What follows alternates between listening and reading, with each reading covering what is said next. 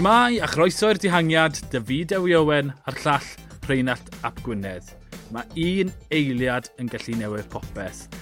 Potel yn rhedeg gros yr hewl cyn i ras ddechrau a olwyn flan Geraint yn ffeindio hi ac yn cymryd Geraint i llawr a nafu glinau.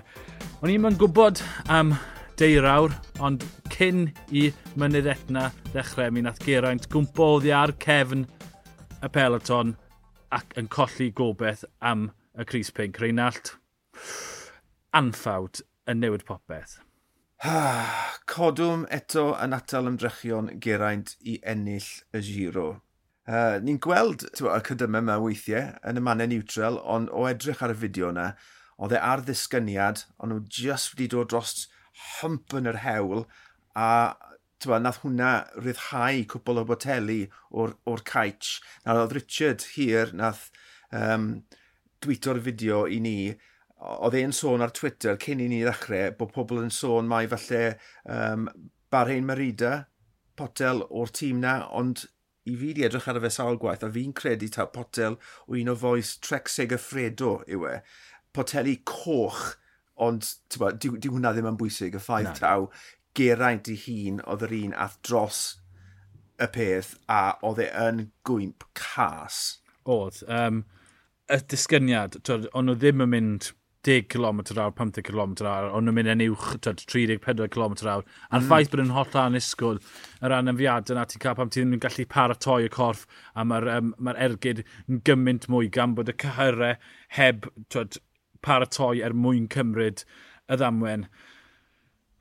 A, gyda, 20, gyda 30 km i fynd, o'n i'n meddwl, meddwl bod yn iawn. Ie, oedd yna greithau ar ei groen, o'n i wedi trafod falle bod e'n mynd i twyd, cael bach o effaith mewn o dros y dyddiau nesaf o'r cysgion. Oedd e ddim, doedd e ddim yn edrych fel bod e'n mewn pôn, war y taig, war oedd e bluff da am uh, rhan fwy o'r diwrnod. Byddwn ni ddim wedi dyfalu bod e'n mewn gymryd y pôn yna finne chwaith, o'n i'n meddwl bod e'n bod, bod e ffain a bod, bod, bod e jyst wedi bod yn rhyw ddamwen dinod oed a, a gyda'r crysau tene, tene, tene mae dyddiau hyn, dim syndod gweld y, y rhwygiadau. Ond, fel ti'n gweud, bellach mewn i'r cymal a ti'n gweld yn sgyrnygu ddannedd wedyn ni colli'r olwyn, mynd i'r car pan fydde ti cefn gyda gyda aelodau o'i dîm yn rhoi lawe falle ar y groen neu rhywbeth, ond yn sicr yr holl ochr chwith o'i gorffau uh, e, mewn, mewn pôn. A nath e ail gysylltu, ond wedyn ni chwistrelliad gan y peleton, colli yr olwyn eilwaith, a dyna pryd o'n i'n gwybod bod, bo pethau ar chwal i, i, i gyfleon Geraint a ath pethau o ddrwg i waith a'r munudau e just yn mynd yn fwy a fwy a fwy a fwy a fwy a dath e mewn bydd yw e, 12 munud ar ôl yr enillydd. Wel, um, trist iawn. Ie, yeah, trist iawn. Oedd e'n llipa ond oedd e, dim pwer ar ôl yn ei gorffen. Mm. Eiliad, twyd, oedd, oedd unrhyw fath o gyflymder yn y pelt, ond oedd, oedd e, oedd i ar y cefn. Um, ond ie, yeah, gyda, gyda rhywbeth ffra, ie, yeah, colli 12 munud, ond yr eiliad ti'n gweld ffefryn yn mynd o ddi ar y cefn cyn y dringfa ola, dyna hi ar ben, does dim ffordd nôl. Um, ond no. o'n i wedi hanner paratoi oherwydd bod y damwen yn gynarach, bod na bosibiliad bod na rhywbeth yn mynd anghywir. E, felly er oedd e'n drist, oedd e ddim yn hollol anusgwyl. Ond i, i weld Simon Yates yn cwmpa oddi ar y cefn. Oedd hwn, o'n i ddim yn gweld e'n dod o unrhyw le. Um, just llithro nath e, yn yr un ffordd, to, nath e ddim yn bang a, a wedyn droi lan a stopo, just yn esmwyth bach pan oedd ddal 40, 50 ar ôl yn y pelton, mm. a gyda 10 km o ringfa just yn, yn llifo oddi ar y cefn. Uh, dau ffefryn mwyaf anferthol, yr holl drafodaethau mae tri dod o diwetha, mae ma, ma, ma nhw wedi mynd ie, yeah, ni, ni di gweld sawl diwrnod rhyfeddol yn y giro mm -hmm. dros y blynyddoedd, ond i ni, ond oedd heddi, oedd e mor morod. Yet, dwi wir yn edrych mlaen i, i glywed y, y reswm am hyn. Uh, o dim sôn am godwm, salwch falle, all, allan ni ddim dychmygu bod e'n cael diwrnod gwael mor no. gynnar a hyn yn y daith. Ond oedd y peleton mewn un linell syth, trec fi'n credu oedd e- yn tynnu, a oedd na rwyg bach yn y grŵp, a oedd e, wrth gwrs, yn y grŵp anghywir. Oedd e ddim ddigon i cael gwared o dringwr o'r, or safon na? Na, dyna beth oedd y syndod. Y, y, y ffaith bod y bwlch na ddim yn cael ei gau a bod e yn mynd nôl, nôl, nôl, nôl. Oedd e, oedd e ddim yn neud synwyr. Oedd, oedd un geraint yn neud synwyr achos oedd, e, oedd na esboniad reit, oedd y codwm yn wath nag o'n i'n disgwyl, ond gyda Yates, ar y foment, dim syniad. A dath neb nôl i helpu, a dath heig nôl yn diwedd, oedd yn syndod, achos byddai ti'n meddwl bod hmm. yn mm. gadael hei glan na er mwyn falle ceisio cael um, rhywun yn dosbarthu cyffredinol. Mae'n yn barod i cymryd y cam nesaf, ond mae'n gadael tymor hyn, felly falle bod nhw wedi gorfodi efo'n nôl. Ond yr eiliad na pam oedd trec a bora yn gweithio ar y blaen wedi codi a bod y ddau ffefryn, Geraint a Simon Yates, wedi cwmpo ar y cefn. Beth oedd y ffefrynnau eraill yn meddwl? Tyd, oedd holl oedd holl bar y tywadau nhw cyn y cymal, holl dactegyn nhw, mas o'r ffenes. Twyd, yr eiliad ath Simon Yates mas o'r cefn, oedd neb yn gwybod pwy edrych yno, pwy oedd y, y, y ffulcrwm tactegol. Ni was yn siarad amdano to, pwy yw'r canolbwynt, pwy mae'r tactegau'n bwydo oedd i arno, yn y clasuro neu yn y Grand Tours. Geraint oedd i a Simon Yates, y gwrthgyferbyniau yna, a oedd hwnna wedi dymchwel, a wedyn... Oedd fel ymysodiadol, neb yn gwybod os dylen nhw ymysod neu ddim. Oedd e'n hynod i wylio pan mae ti'n disgwyl senario um, ar gychwyn y dydd a mae'r senario yna yn cael ei daflu mas o'r ffenest y ddau o nhw, y ddau ffefryn mawr, yn colli'r olwyn rownd yr un cyfnod. Felly oedd e'n sioc ddeiblyg. Right, nath bora ddanfon Fabro i'r blaen, a oedd e'n tynnu'n rili, really, rili, really, rili really galed, ond wedyn ni, oedd dati uh, Swift yn tywys Teo tu ôl iddo fe, a oedd Swift yn mynd Na, dwi, dwi ddim yn dod i dynnu, oedd Swift yn amlwg, yn meddwl, right, mae ma, ma hwn yn ddigon cyflym i fi, diolch. dwi'n dwi ddigon hapus fan hyn, a wedyn ni, ar ôl i Swift orffen i waith, dyna pryd oedd y pembleth wir wedi cychwyn gyda pobl yn mynd, beth? Yn y diwedd, nath e gymryd y ffefrynnau mawr, ti'n Nibli, Fulsang, Croesfig, Almeida, Maica, i, i bo, agor a tank a wedyn ni oedd dati sefyllfa bach mwy o sens yn ddi, ond na, oedd na, oedd na gyfnod bryd hynny, le, le ti jyst yn crafu pen yn mynd, beth iawn sy'n digwydd yn hyn? Mae ma, ma doi pwynt fyna. Ie, yeah, un, um, mi welon ni'r grŵp na'n ffurfio. Uh, y grŵp o'r cryfa yn y mynyddodd eleni fi'n credu welon ni Fulsang, Maica, Domenico Pozzovivo, sy'n gret ar ôl y ddamwyn gath y llynedd. Twyd, o'n i'n meddwl bod y yrfa falle ar ben, Nibli, a ie, yeah, fi'n credu pedwar na, falle oedd un arall, ond oedd Kreisfig, oedd Kreisfig off y cefn, Jawl Meid off y cefn, ond yn disgwyl fel bod nhw'r pedwar cryfa, blaw, am y ffaith ath Celdam yn lan yr hewl. Gath e, gath, gath e hawlio eiliadau nôl, twyd, Er nad fe yw'r cryfan y mynyddodd, mae wedi cael 15 eiliad gwerthfawr, a mae well na'r gweddill yn y cloc. Twyd, dangos fa mae'r llydan agored, does neb yn deall pwy, pwy yw'r ffefryn ar. Ie, yeah. yn amlwg, mae'n drychineb mawr bod Geraint wedi colli ei afel ar y frwydr yma am y Cris, ond tywa, fel, fel fan seiclo pyr, mae'r sefyllfa hyn mor, mor ddiddorol. Tywa, ti wedi paratoi am un senario, a nawr mae'n mario gwbl wahanol ar y plat, a ti goffod ail feddwl. A just, just ystyria beth mae'r unigolion hyn nawr yn feddwl ar y bws wedi'r cymal na, ti'n bod, niblu yn meddwl, reit, blinkin chance dy fi, mynyddodd, ffwlsa, gwmwys rhywun peth, Celdamon yn sicr yn meddwl, waw, gwybod yn iawn mae fe yw'r gorau yn erbyn y cloc. Synweb yn mynd, dalwch mlaen fan hyn.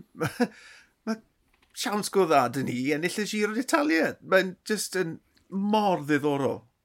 A mae hwn yn dod i'r ail bwynt o'n i mewn crybwyll. Llynedd, mi welon ni, Vincenzo Nibali yn marcio Roglic a Roglic yn marcio Nibali a'r ddau yn nhw'n marcio'i gilydd mas o ras ar Richard Carapaz yn cyfrin mantes ac yn dwy'n amser.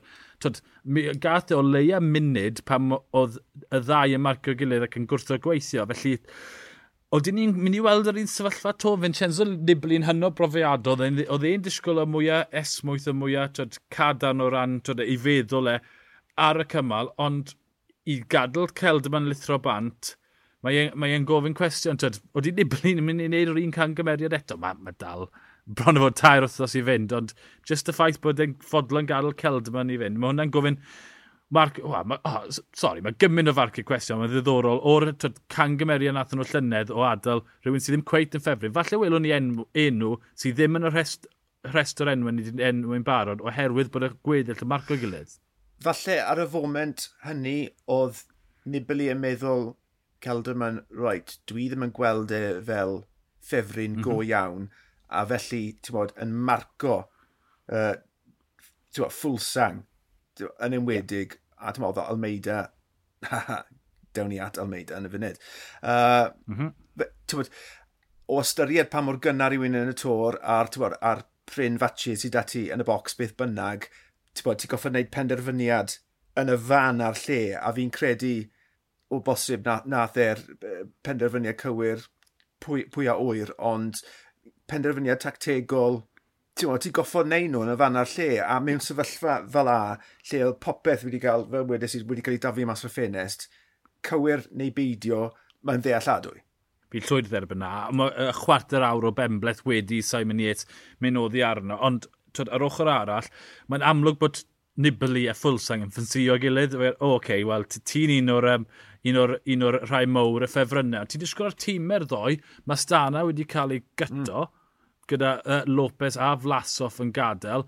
A trec i ema yn y gryfder na, boys fel tyd, uh, Ciccone, Brambia, nid y gorau yn y mynyddodd mawr yr eiliad ti'n cyrraedd trydydd wstos, mae'r niblu yn mynd i fod ar benni hynna'n a gweud os ni'n cyrraedd y stelfio, bydd dim un o'r hynna'n gallu groesi nes, nes y wir yr eiliadau ola. Oedd y ddoen edrych i blino, felly mae'n agor y drws i rywun arall i ddwyn y giro. O'n i'n siarad dan y bobl fe Pernstein, o'n i'n byth yn meddwl byddwn ni'n yn, yn crybwyll llenwyr ffrawn. Ie. Yeah. Uh, yr enillwyr mowr heddi, uh, Jao Almeida a Jonathan Caicedo. Caicedo yn mynd ar cymal i EF ar ôl twyd, brwydro yn ebyn etna. Oedd e dros y baic, oedd e'n gymaint y bôn, ond ie, yn llwyddo gwaredu a Gianni Visconti, ac yn methu mas ar y Cris Pink o dim pwynt 2.8 eiliad. Ie, Jaw Almeida, Portugier ifanc yn mynd ar Cris. Uh, I gychwyn, ti'n Caisedo, briliant. Y cyd-destun bod ni wedi bod yn trafod EF gyment ers cyn cychwyn mm. y ras am y kit o nawr, i ni'n trafod EF, achos bod nhw wedi ennill cymal cynta ddringo y Giro d'Italia. Mae pethau yn mynd o well, Be sy'n well na gwell. gwell, gwella. Yeah. Ond ti'n meddwl, meddwl mae fe just yn ffantastig i EF ar y moment, a wedyn ni Almeida, ti'n bod, o'n i'n trafod cyn y ras, ww, mae fe'n ifanc, ond alle fe, a nawr, mae fe mewn safle perffedd. Mae fe yn y Cris, sydd yn gret byth bynnag, ond gyda'r ddau ffefryn mawr mas, mae ma, ma, gyfleo ni wedi bod, seithi lan. Felly, tywa, y to ifanc eto yn bod, todi trwyddo, ond elfen arall ddiddorol iawn i Giro d'Italia sydd wedi cael ei troi wyneb i weired. Mond tridiau, ni wedi gweld, o rasio.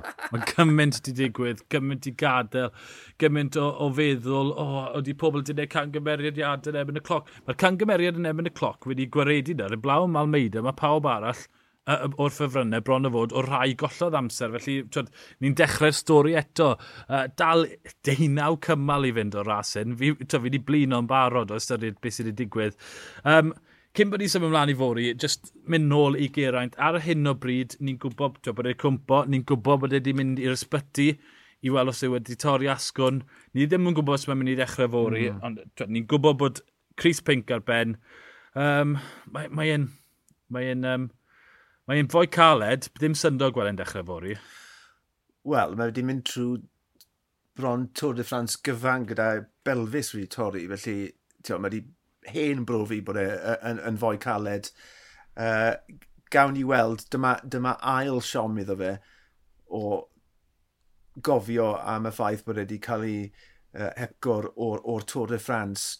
Lle mae hwn yn, yn, yn rhoi yn fyddyddiol bod e wedi goffod codi hunan off y llawr am yr eildro a wedyn ni bod y siom hyn uh, wedi, bod, i fwrw fe. Um, gawn ni weld, gawn ni weld. Dwi'n gobeithio y, y, y gallu gario ymlaen achos mae fe wedi gweithio mor galed a bydde ennill cymal ddim cweit, wel, bydde fe ddim dod yn agos at twod, yr hyn oedd yn anelu ato, ond bydde, bydde fe'n biti mawr gweld yn gadael o'r ras yn gyfan gwbl. Bydd, um, fi'n credu gewn ni'r ateb yn deheno neu am ryw drio gloch fori, achos mae cymal fori, er yn hollol sibl, cymal gwibio gyda um, kilometre fflat yn y diwedd o Catania i Fila Franca Terena, 140 km. Yn y canol, mae'n wedi wpo dringfa 23 km. O'n i'n meddwl ar dechrau daith um, os yw'r gwybwyr ffili mynd dros y ddringfa yma, dros dim gobeith gyda nhw cyrraedd Milan, ond mae Geraint nawr yn y categori. Os yw'n dechrau fori, mi, mi welwn ni o beithio yna o groesi'r tarthnos ar y ddringfa yn y yng nghanol cymal fori.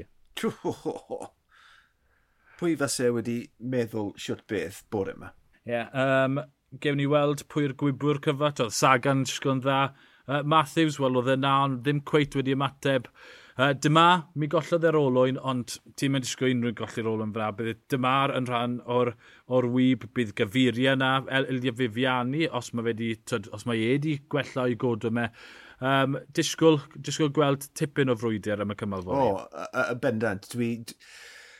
Mae'n ma mynd i gymryd amser i ddod dros heddi, ond ie, yeah, gyda'r roster wibio sydd gyda ni yn y ras yma, gyda rhinweddau mor wahanol i'w gilydd, uh, allai ti weld twa, bron bob un ohonyn nhw yn llwyddo ar ddiwedd y dydd, ond gawn ni weld siwt ddelio nhw gyda'r hwmpyn mawr na yn y canol. Wel, a wneud Bora a Synweb geisio rhwygo'r um, pelton yn ddarnau, a wneud nhw geisio cael gwared y gyfeiriau Fifiani, chos dyn nhw'n medringwyr gorau, a mae'n gwneud pethau'n lot rhwyddach i nhw enll y cymal, os maen nhw'n lle cael gwared ar, ar, ar, ar uh, gwybwyr yna, ond diwedd ddim y cleta. Bydde ti'n disgwyl siŵr o fod bod y gwybwyr yn gallu goroesi hwnna. Ie, yeah, a mae fe eitha pell o'r linell derfyn bydd bynnag. Felly falle mm -hmm. bydde hwnna yeah. yn atal uh, y tîmau yn feddyliol rhag uh, gwastraffu egni uh, a jyst cadw'r uh, powdor yn sych am uh, y frwydr yn agosach at y linell derfyn. Ie, yeah, mae'r diweddglo'r Portela Mandrazi, y copa yn dod rhyw 65 km y diwedd, felly ie, yeah, digon o amser i'r gwybr ail ennill, ond ar diwrnod cythryblus, syfrdanol yn y giro, yr unig bennill gwed yw prysur wellad i geraint. Cytuno'n llwyr. Mae ras yn cario man, byddwn ni, bydda i ar yr awyr am un o gloch, a byddwn ni hefyd yn trafod digwyddiadau'r dydd yn y pod yn y nos. Gobeithio bydd geraint na, Gobeithio bydd Simon Yates, gobeithio bydd y rasio'n tanio'n unwaith eto, gobeithio allech chi ymuno dyn ni. Ond y fideo i Owen a'r llall Rheinald Llap Gwynedd, ni'r dihangiad, hwyl.